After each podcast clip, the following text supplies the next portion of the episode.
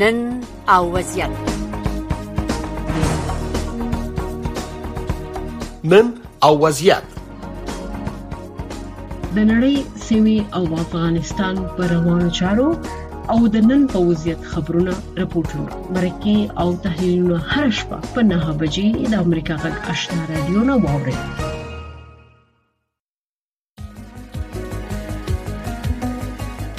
روایت امروز روایت امروز.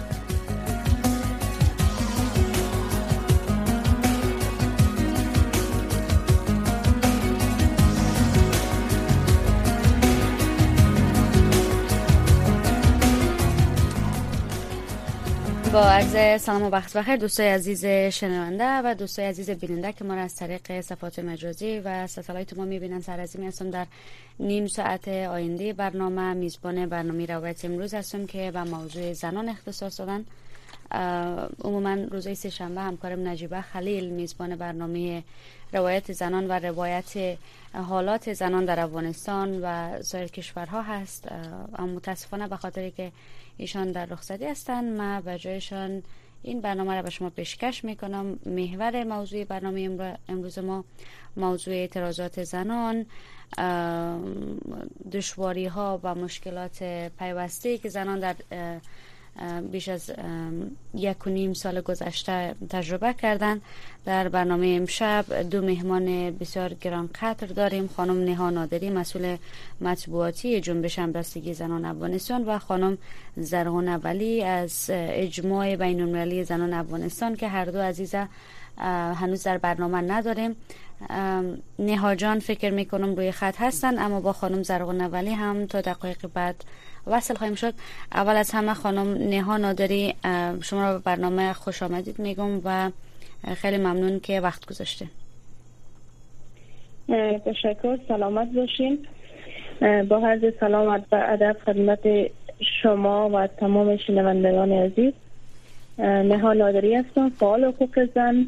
و همچنان عضو جنبش همبستگی زنان افغانستان به خدمتتون بسیار بسیار خوش آمدین خانم نها نادری. اول خب در مورد آخرین رویدادی که امروز در افغانستان رخ داده هست در رابطه به اعتراض شماری از اعضای جنبش های زنان در افغانستان در پیوند با وضعیت بد بشری زندانیان و ویژن زندانیان. زن در افغانستان از شما میشنویم. زیر سلطه طالبان یا در, در رابطه به اعلامیه که صادر کردین و در رابطه به جزئیات این موضوع اگر به ما بیشتر معلومات بده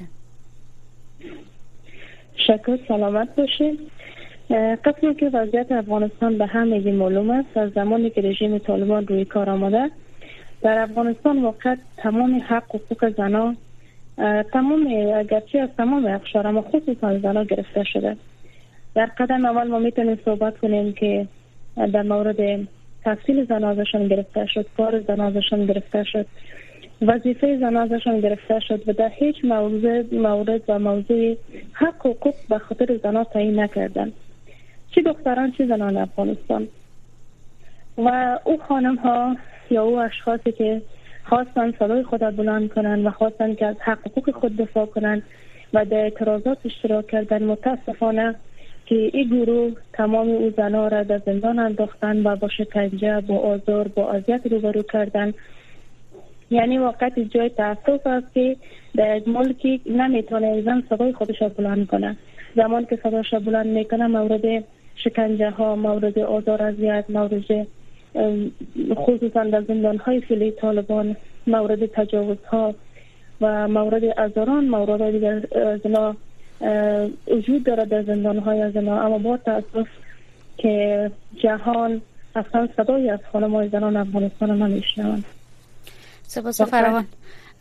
خانم نها نادری پیش از این هم در چند روز اخیر در جشنواره کن هم فیلم مستندی در مورد زنان افغان تحت حاکمیت طالبان در جشنواره کن هم به نمایش گذاشته شده بود.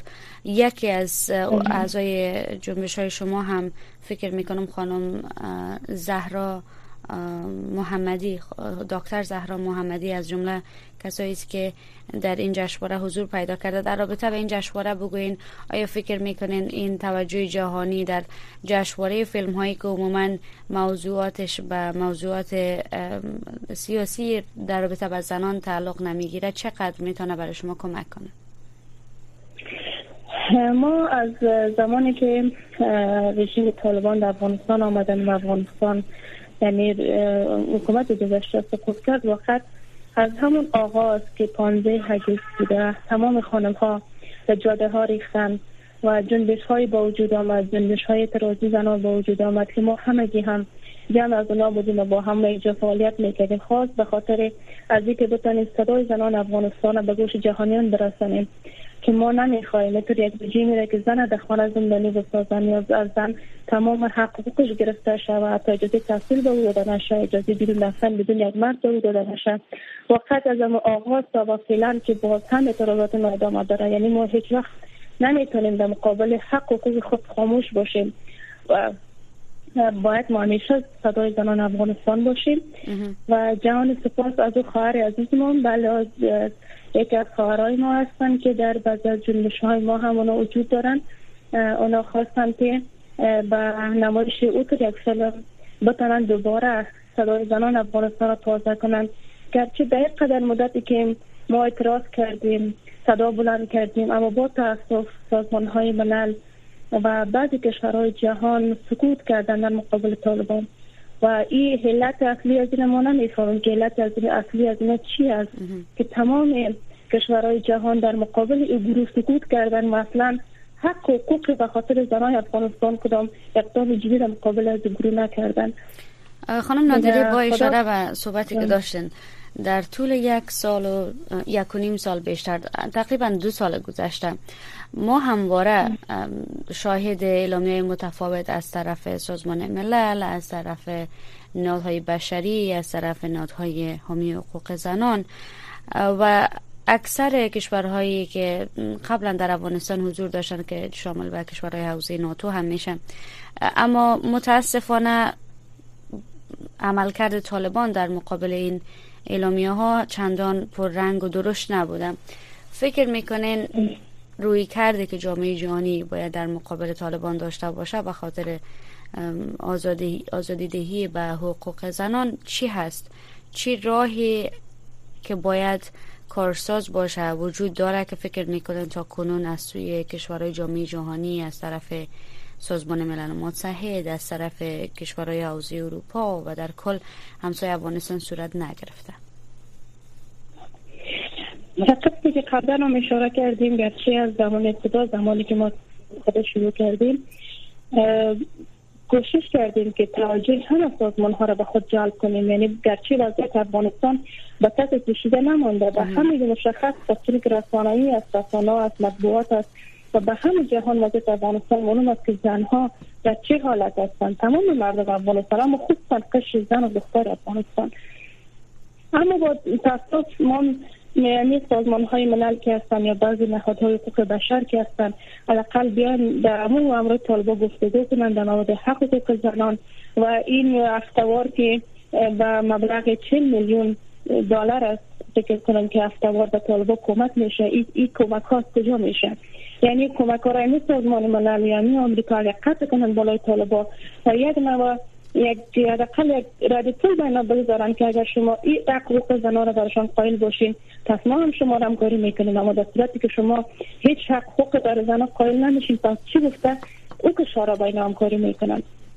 یعنی به نظر من که اکثر موضوعات پشت پرده هستن که ما بین خب گفتگو می‌کنن حرف می‌زنن اما نمی‌خواید موضوع رو نمایان بسازن یکی در پشت از گپ ها چی چیزی وجود داره او رو دقیق یعنی نمی‌تونن درک کنه و بفهمه به نظر شما برخورد دو پهلویی که به, ادعای شما از سوی جامعه جهانی مشاهد هستیم چقدر اصلا می‌تونه این این راه برای شما دشوارتر کنه؟ شما چی برنامه دارین که بتونین اگر چنانچه که شما میفرمایین جامعه جهانی از شما برخورد عملی نمی‌کنه در قسمت حمایت از شما طالبان هم انطاف نشان نمیدن پس تکلیف زنان افغانستان چی میشه؟ از از چی طریقی باید این مشکل راه کرده برش پیدا کرد؟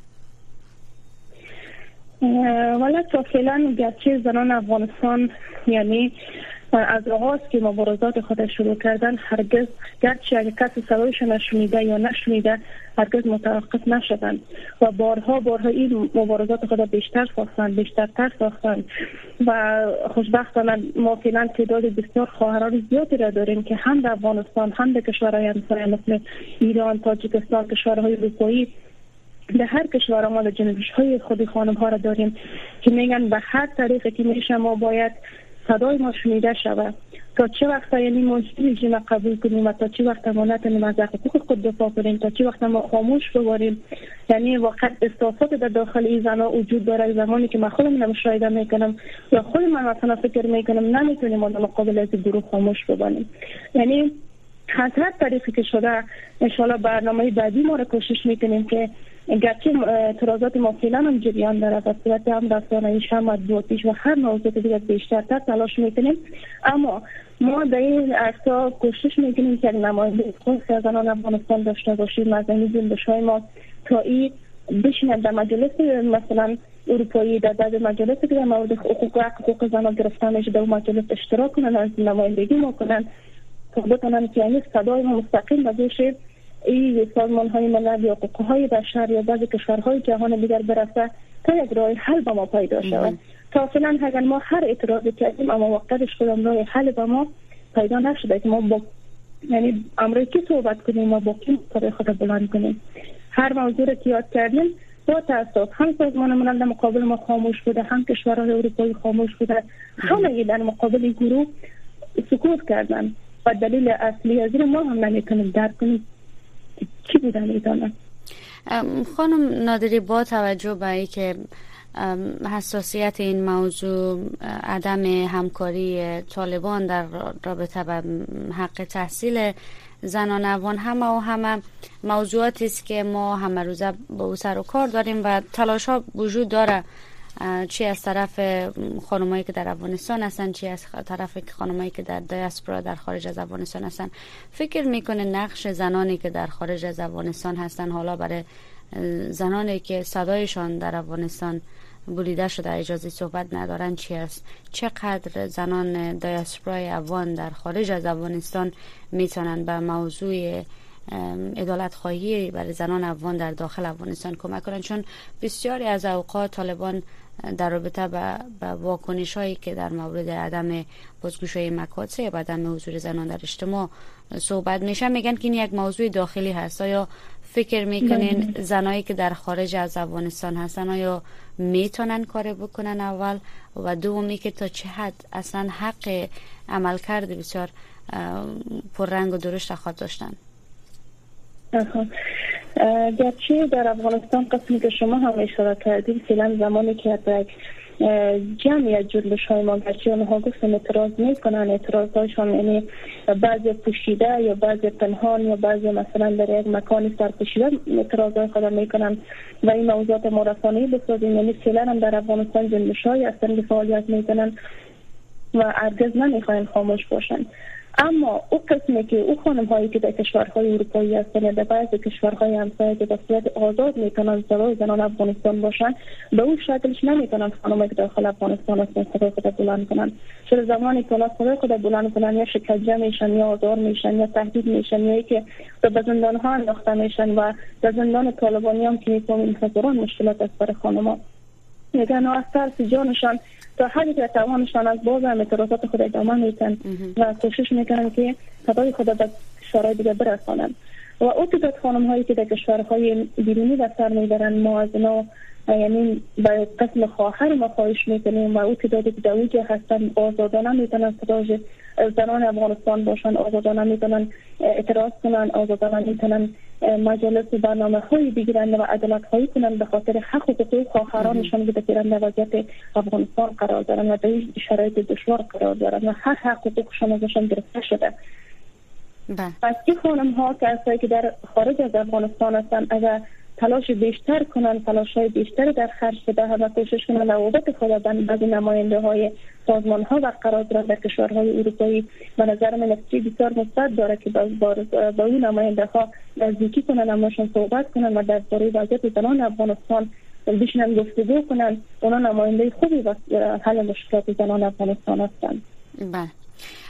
خانم نادری یکی از موضوعاتی که در موردش زیاد صحبت نمیشه به خاطر که رد پای رسانه هم در افغانستان تا, تا کنون زیر پای سانسور طالبان هم زیر فشاری که از طرف طالبان بر اساس گزارشاتی که ما داریم حس میشه. موضوع گزارشدهی در, در مورد انواع مختلف جرم است که در مقابل زنان انجام میشه. حالا اگر آن ازدواج زیر سن هست. اگر ضرب و شتم هست. اگر حتی قتل در مواردی هم قتل های ناموسی هست. در مورد این موضوع بگوین چقدر خانم ها از در افغانستان دختران زنان از نظر قضایی از نظر حقوق عدلی دچار مشکل شدن از زمانی که طالبان حاکمیت به دست آوردن. حالا موضوع حضور زنان در زندان ها خو یک بحث است. اصلا مسئولیت اجتماعی زنان در حال حاضر در چه, چه گذاری هست؟ فعلا تا جایی که ما اطلاع داریم و وقت معلومات های بسیار دقیق داریم از اینکه اکثرا دخترای جوانی که در افغانستان هستند بعضی از گروه طالبان هستند که آنها را به ازدواج های اجباری مجبور می سازند زمانی که این دختر خانم یا فامیلش در مقابل طالبان میماند نشان بدن یا نخواهند یا مثلا نمی‌خواین که با طالبان رابطه یعنی ازدواج بعضی موضوعات دیگر داشته باشن اما تهدید به مرگ میشن. قسمی که چقدر وقتش یک گذاری بود خانم بود به نام زرمینه. اونا هم اول پیشنهاد شده بودن. زمانی که پیشنهاد کرده بودن رد کرده بودن. بعد از تجاوز جنسی هم ریزی شده بود و همچنان بعد از تجاوز رو به قتل رسانده بودن. یعنی طالبا ایجون ای رقم یک گروهی هستن. موقت بعضی زنان افغانستان گرچه اکثرا از رسانه ها پوشیده میشه و بعضی موضوعات رکانه ها انجام میتن جنبش های ما وقت هستن. می‌بینن و واقعیت ها رو بر ما پیام میتن می‌رسن که در فلان جای تو یک موضوع شده با چشمدید خودشان میگن موضوعات قصه می‌کنن اما با اساس که اکثرا رسانه ها اجازه ای را ندارن یا مثلا طالبا برشان اجازه نمیتن که اینها را این موضوعات رسانه‌ای بسازن. در یعنی هم قتل، کشتار، شکنجه، آزار اذیت خانم خصوصا تجاوز و اجبارهای ازدواج های اجباری به حدی به حدی کافیش رسیده در افغانستان. که همه گروه طالبان یعنی خواهان از هستند که دختران جوان بگیرن به خود نکاح کنن یا ترسی کنن و زمانی که قبول نمی‌کنن یا تجاوز می‌کنن و قتل میرسونن یا بعض موضوعات دیگه واقعا حالت های زنان افغانستان به حد خراب است. افغانستان. شما دوستان و یا همکارانی دارین در افغانستان که به شکل زیرزمینی فعالیت می‌کنن هویتشان محفوظ است و اما اعتراضاتشان کماکان ادامه دارم تا چه حد این بله. همکاران شما می‌تونن از نظر مستندسازی این نوع جرایم همکاری کنن با شما چرا که نهادی نیست که حتی تا اندازه امی, امی موضوع و مشکلی که افراد دارن مدار اعتبار بدانه. فکر می‌کنین آیا همکاری که شما در افغانستان دارین می‌تونن در قسمت مستندسازی جرایمی که در حق زنان اتفاق بیفته عمل کرده حداقل به شکل کتبی داشته باشن یا خیر؟ بله. بله جنبش های که فعلا در افغانستان ما داریم ما فعالیت می‌کنن جنبش های بسیار زیادی هستن و خصوصا جنبش های خودمان که هستن اگر که ما اکثر موضوعاتی هستن که اونجا رخ میتن و اینها کوشش می‌کنن که از امو خانم یا از امو فامیل یا دختر خانم یک آدرس یا شماره تماس یا چیز پیدا کنن و اونا هم با ما معرفی می‌کنن و اونا هم می‌تونن آزادانه این موضوعاتشون میگن چرا که وقت هر کس در وجود در دیده است دیده است یا فامیلش میگه یا مثلا خود از اون شخص داستان خود قصه می‌کنه میگه تو یک موضوعات است. این صدای ما را دیگه جای هم برسن تا صدای ما در جهان شنیده شود اما ما دوستای ما هستن که می‌تونن این همکاری رو بکنن. سپاس فراوان. در مورد برنامه های شما در افغانستان در مورد عملکردهای زیرزمینی که شما در افغانستان دارین آیا فکر می‌کنین این موضوع سبب نمیشه که دوباره یک تعداد زیاد دیگه از دخترها طوری که باز شاهدش بودیم در اوایل حضور طالبان که دختران زندانی شدن با مشکلات بسیار مواجه شدن؟ آیا فکر می‌کنین به خطر انداختن یا خودشان این انتخاب خودشان است به خطر انداختن خود مسئولیت زنان در افغانستان با شرایطی که طالبان نشان دادن که در قبال وضعیت زنان خواستار زمان بیشتر هستند خواستار اجماع نظر از سوی کسایی که در در قسمت مدیریت دولت با اونها همکاری دارن فعالیت می‌کنن. یا فکر می‌کنین عملکرد زنان در افغانستان با توجه به اساسیت هایی که فعلا طالبا با حضور زنان در اجتماع دارن چقدر می‌تونه به خطرشان تمام شود؟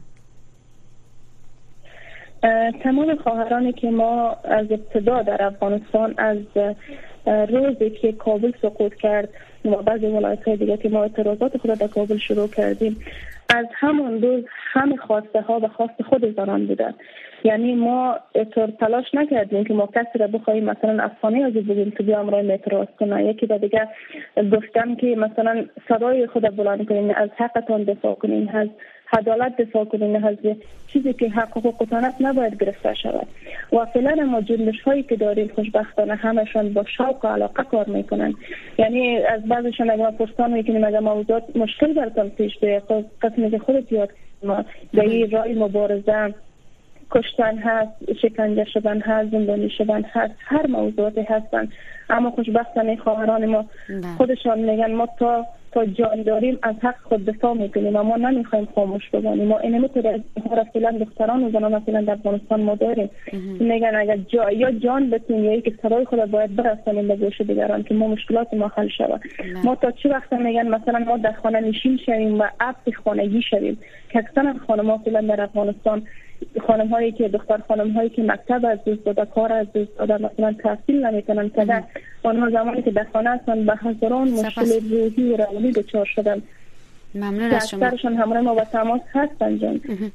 دیگه از این موضوعات هم هر کاری را که می‌کنن به خواست خودشان می‌کنن و میگن ما تا جان داریم مبارزه می‌کنیم تا به حق خود به حق حقوق خود برسیم. سپاس. ممنون از شما خانم نها نادری و امیدوارم که با موفقیت بیشتر با با راحتی خاطر بیشتر این مبارزه را ادامه بدین.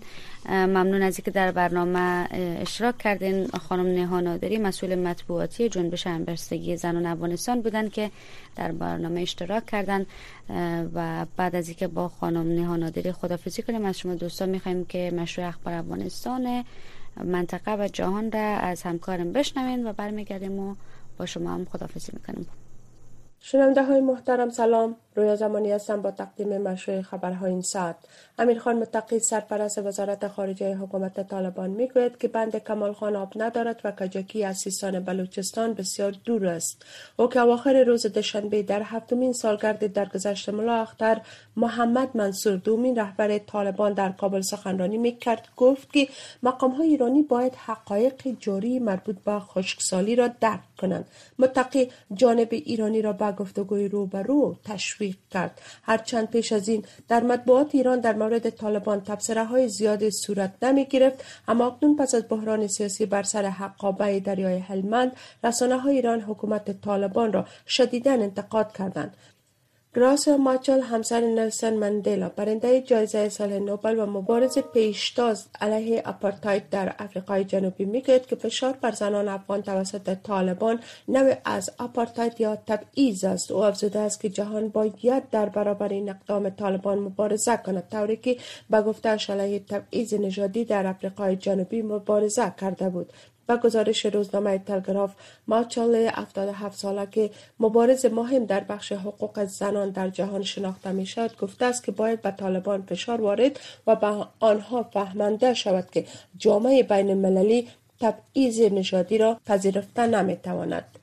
در آستانه تطبیق حکم اعدام بر دو افغان در ایران سازمان حقوق بشر ایران ابراز نگرانی کرده است. سازمان حقوق بشر ایران که مقران در ناروی است در اعلامیه گفته است که جهان باید از چنین اعدام ها جلوگیری کند.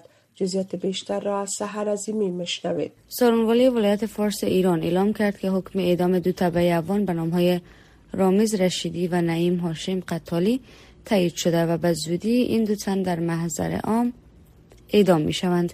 این دو نفر در پرونده حمله شاه چراغ شیراز متهم و به اعدام محکوم شدند. سال گذشته در حمله به حرم شاه چراغ حداقل 13 نفر کشته و بیش از 20 نفر زخمی شدند. سازمان حقوق بشر ایران می‌گوید که در این حادثه از متهمان اعترافات اجباری گرفته شده است پیش از این سازمان حقوق بشر اعلام کرده بود که تنها در سال جاری حداقل شش افغان در ایران اعدام شدند. دولت طالبان چندی پیش گفته بود که در نتیجه گفتگو با مقامات ایرانی توانسته است که حکم اعدام 200 افغان را به حبس تبدیل کند. امران خان صدر پاکستان روز استیشن به مبارزه قانونیش را در حال در برابر محکمه در اسلام آباد پایتخت آن کشور ادامه داد که این محکمه چند قبل او را که به اتهام دهشت افغانی توان با خشونت دستگیر کرده بود برای یک ماه بعد زمانت از دستگیری رها کرده است. این انکشافات در حال صورت می گیرد که مقامات پاکستانی حامیان خان را که هنوز رهبر ارشد مخالفان پاکستان است سرکوب می کنند هزاران نفر در پی دستگیری خان در اوایل ماه جاری دست به مظاهرات خشونت آمیز زده و در این زمان به اموال عمومی و تاسیسات نظامی حمله کردند. خان که در ماه اپریل سال گذشته در رایگیری پارلمان آن کشور سلب صلاحیت شد. علیه حکومت شهباز شریف صدر بر حال پاکستان کمپاین کرده و ادعا کرده است که برکناری او غیر قانونی بوده و خواستار انتخابات زود هنگام در پاکستان است. خان از هوادارانش خواسته است که از خشونت خودداری کنند و اعتراضاتشان به صورت مسلمت آمیز باشد.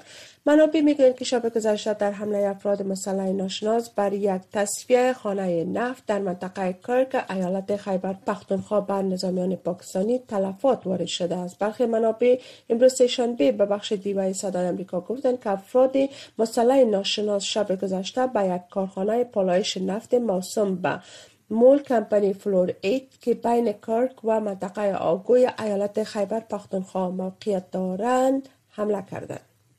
سربازان روسی و نیروهای امنیتی آن کشور. امروز شنبه برای دومین روز علیه حمله مرزی که مسکو آنان را تخریب کاران نظامی اوکراین می‌گوید ادامه داشت. اما کیف این ادعای مسکو را رد کرده و آن را خیزش روسیه های مخالف کرملین خوانده است. صدای انفجار و درگیری های پراکنده در منطقه بلگرود از دیروز دوشنبه شنیده شده است و به گفته ویچاسلف گلادکوف والی این منطقه جنگ به منطقه گرارون روسیه که نزدیک که مرز اوکراین است نیز گسترش یافته است. او افزوده است که دوازده تن در جریان درگیری زخمی شدن و وضعیت همچنان وخیم است.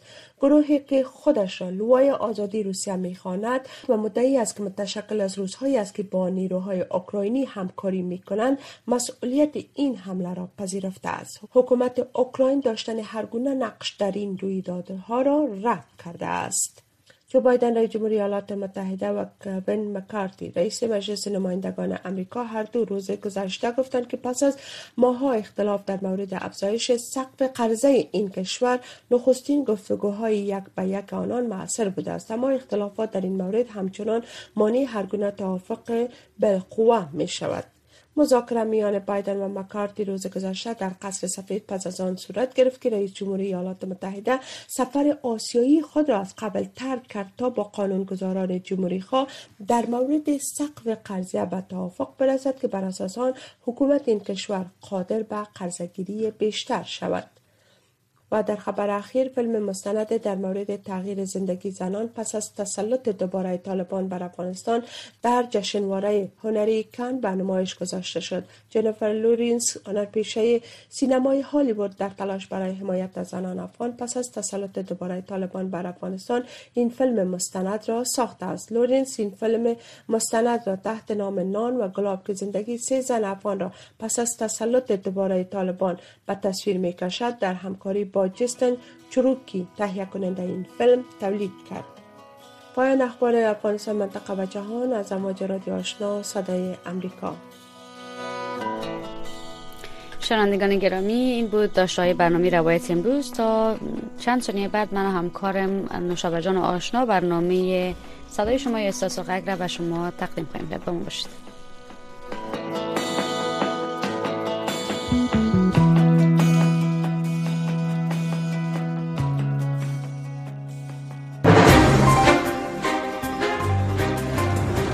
صدای شما.